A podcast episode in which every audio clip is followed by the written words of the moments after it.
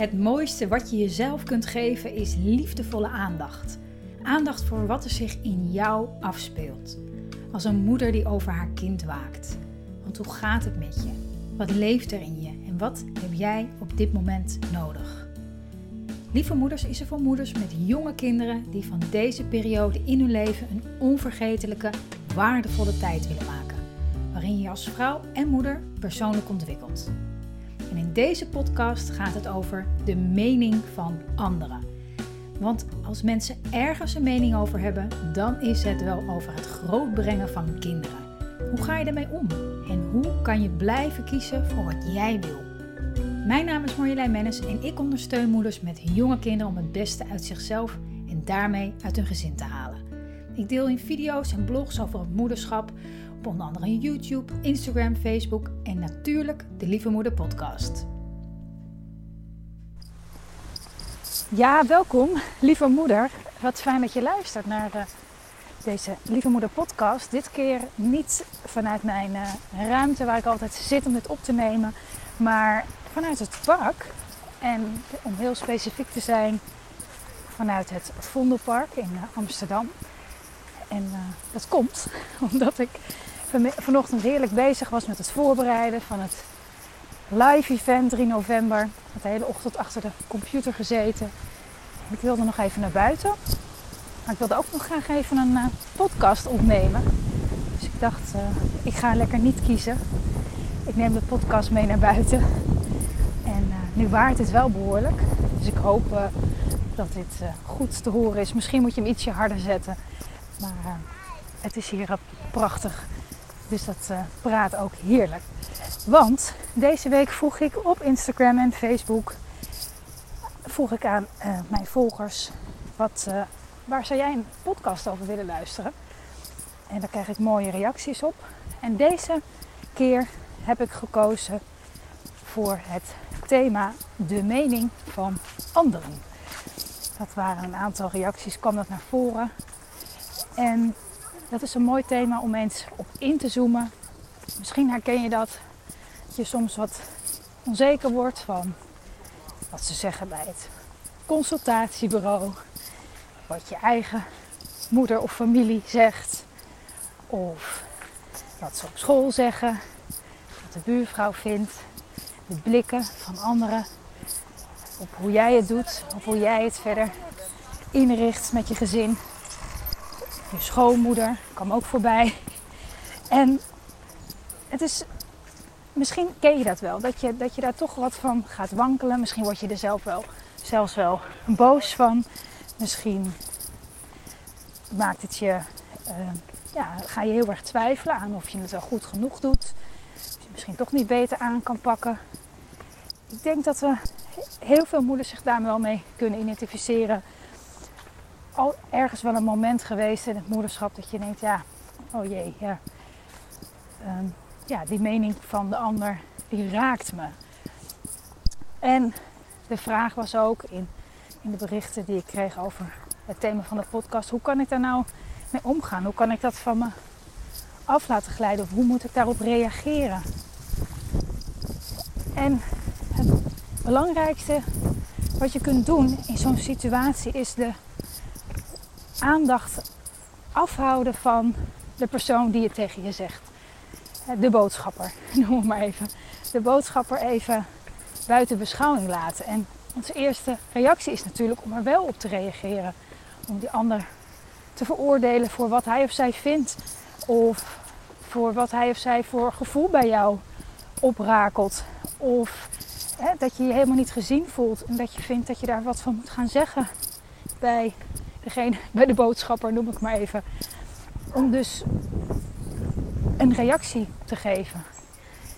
Maar als je dat probeert niet te doen, in, in, in, in ieder geval niet in eerste instantie, maar in eerste instantie is na te gaan bij jezelf hoe het voor jou is om dat te horen.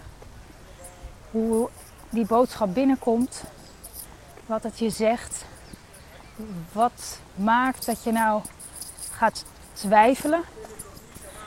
Want het is namelijk zo dat alles, onze buitenkant, onze omgeving, onze leefomgeving, de mensen die, met wie we omgaan, de situaties die we voordoen. Ik kan daar heel ver in gaan. Maar onze buitenwereld is eigenlijk een representatie van wat er zich bij ons van binnen, wat er zich bij ons van binnen afspeelt. En als je dat gegeven neemt, dan kan je nagaan dat wat die ander jou zegt, de blik of de boodschap of de vraag van de boodschapper, dat dat eigenlijk iets is wat er bij jou van binnen leeft. Een vraag, een onzekerheid, een twijfel die er bij jou van binnen al is. En die wordt alleen maar ingedrukt door de boodschapper. Die wordt alleen maar omdat jij hem ja, qua energie, dat als het ware uh, bij je draagt. Dat, ja, dat is, het, het, klinkt heel spiritueel, maar als jij die energie, die twijfel, die angst voor een bepaald iets bij je draagt, dan merkt die omgeving dat onbewust en reageert daarop. En komen er dus allemaal situaties in je leven die dat, die, die onzekerheid, die angst, die pijn benadrukken, indrukken. Daarom is het belangrijk om die boodschapper even buiten beschouwing te laten, want die doet er eigenlijk niet toe. Dat is alleen maar degene die jou erop attendeert: hé, hey, er speelt iets in mij. Ik, heb ergens, ik ben ergens bang voor. Iets doet me pijn. Zo'n opmerking doet me ergens aan denken, onbewust. Er speelt iets. Wat is dat? Wat is dat? En als je dat durft, als je zo ja, dapper bent, moedig bent om de boodschapper even buiten te laten. Want ons ego gaat daar echt heftig tegen in protest. die, die wil ze gelijk halen. Die wil laten zien dat, er, dat, het, dat, dat, dat we echt gelijk hebben. Dat het niet klopt. Dat de andere het verkeerd ziet. Dat het onterecht is. Maar ons ego wil ons daarmee eigenlijk in een bepaald patroon houden. Een patroon wat er altijd is geweest. Terwijl de boodschapper het enige is wat hij of zij doet, is jou proberen wakker te maken. Wakker te maken voor wat er in jou speelt. Dus als je die uitnodiging, zal ik het noemen, van de boodschapper aanneemt en je aandacht naar binnen keert, en wat doet het nou met me, die opmerking? Hoe is dat voor me? Wat doet het me aan denken? Heb ik dit vaker? Zijn het soortgelijke opmerkingen, soortgelijke mensen om me heen die deze knoppen steeds indrukken? En wat heb ik daarin te doen? Hoe kan ik in het feit dat ik, bij mij dat pijn doet van binnen, ik me daardoor niet gezien voel of wat dan ook, of angstig word, hoe kan ik er daarin maximaal voor mezelf zijn? Hoe kan ik er daarin maximaal voor mezelf zijn? Ga maar eens na. Ga maar eens na of je onlangs iets hebt teruggekregen van iemand. Of iemand die jouw opvoedmethode ondermijnt. Hè, je oppas. Wie dan ook. Die zegt nee joh, je moet het zo doen, dat is veel beter. En je dat echt raakt. Je daar echt van um, overstuur bent of ja, welke gevoelens het bij je oproept. Ga maar eens na hoe je er daarin voor jezelf kunt zijn. En nadat je hem uit hebt gepeld, bedacht van hé, hey, waar gaat dit over? Oh, wacht eens even, dit gaat over hè, een voorbeeld. Ik voel me niet gezien. Ik voel me hier gewoon niet gezien. als ik naar mezelf kijk, de momenten waarop ik me misschien dat overweldigd voelde door de mening van een ander. Uh, hè, hoe dichterbij, hoe harder het soms aankomt. En waar dat over ging, bij mij was, ik voel me niet gezien. Ik voel me niet gezien in hoe ik het wil en hoe ik het doe. En je niet gezien voelen, dat had te maken met een angst. Hè? Mag ik er zijn? Mag ik zijn wie ik ben? En als je jezelf daarin toestemming kan geven, ik mag er zijn, met mijn mening. Zonder dat ik dat op hoef te leggen aan anderen. Anderen zijn er met hun mening, hun manieren. als je jezelf daar ja, maximaal toestemming voor geeft, daarin maximaal liefdevol voor jezelf kan zijn, als in, ach ja, dit, dit vind ik lastig. Ah ja, ik merk dat ik dan echt ga twijfelen. Ja, en zo is het.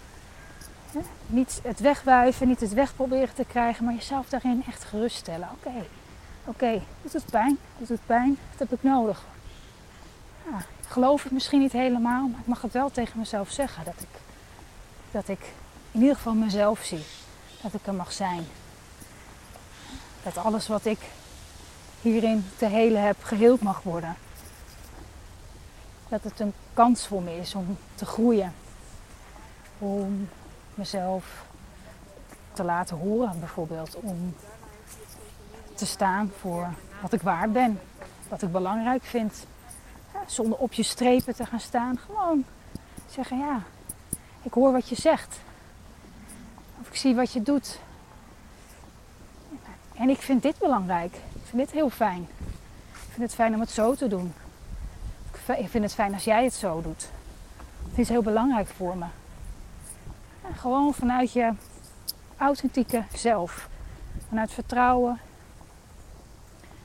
Dat je er mag zijn. Dat je het waard bent. Dat je gezien wordt. In ieder geval door jezelf. En dan komt je boodschap ook heel anders over. Dan wordt je energie heel anders. Ook naar anderen toe.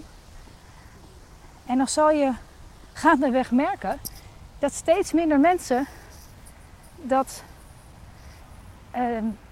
een mening hebben. Een mening over hoe jij het doet. Ineens gaat, kijk je terug en dat je denkt, hé, hey, dat gebeurt eigenlijk nog maar heel weinig. En als het gebeurt, dan ja, kan ik het eigenlijk al best wel weer snel langs me heen laten glijden. En dat is het signaal, dat is het teken dat je de boodschap, de boodschapper en de boodschap hebt aangenomen. Hè? Dat je de uitnodiging hebt aangenomen om naar binnen te kijken. En te kijken, oké, hoe kan ik er hierin voor mezelf zijn? Hoe kan ik nog steviger staan? Hoe kan ik nog meer met vertrouwen in het moederschap staan? Dan heb je die les geleerd. En als het ineens weer heel veel op je pad komt, dan is dat niks anders dan een alarmbel die even afgaat van tingeling. Het is weer tijd om je aandacht wat meer naar binnen te keren en daarin liefdevoller voor jezelf te zijn. Ga, er maar eens, ga maar eens na wanneer de laatste keer was dat iemand een mening had of je het moeilijk vond om tegen je, de mensen die voor je kind zorgen bijvoorbeeld te zeggen hoe jij het graag wil. Ga maar eens na wat er dan bij jou van binnen gebeurt als je je daarin niet gezien of gehoord voelt. Hoe je daarin maximaal er voor jezelf kunt zijn. En blijf daarin oefenen. Elke keer dat dat gebeurt is weer een een oefening erbij. Is weer een oefening erbij, is weer een oefening erbij. Net zolang dat jij die lessen leert. En het zijn mooie lessen, want het maakt jou steeds meer heel. Maakt jou steeds meer jezelf. Het gaat misschien een beetje te ver om je, om je boodschappers te bedanken voor de wijze les. Misschien dat je nu denkt, ja dag. maar misschien komt dat ook nog eens. Misschien, misschien hoef je dat niet te zeggen, maar misschien voel je die dankbaarheid op een gegeven moment wel een keer. En kun je, het, kun je deze situaties echt leren zien als een uh, mooie levensles. Dat is wat ik je gun. Dank je wel weer voor het luisteren naar aflevering 29 van de Lieve Moeder podcast. Ik hoop dat je met de inzichten meer rust, ontspanning, voldoening vindt in je dagelijks leven met jonge kinderen. En ik zou het echt enorm waarderen als je me laat weten hoe deze aflevering voor je was, wat het met je heeft gedaan. En je kunt dit doen bijvoorbeeld door via je iPhone naar de podcast-app te gaan en daar een recensie achter te laten, een aantal sterren of in tekst. Of als je een Android hebt, bijvoorbeeld via Google, lieve moeders intypen en dan rechts in beeld op recensies klikken en daar een reactie achterlaten. Dat waardeer ik echt enorm. Heb het goed en tot de volgende keer.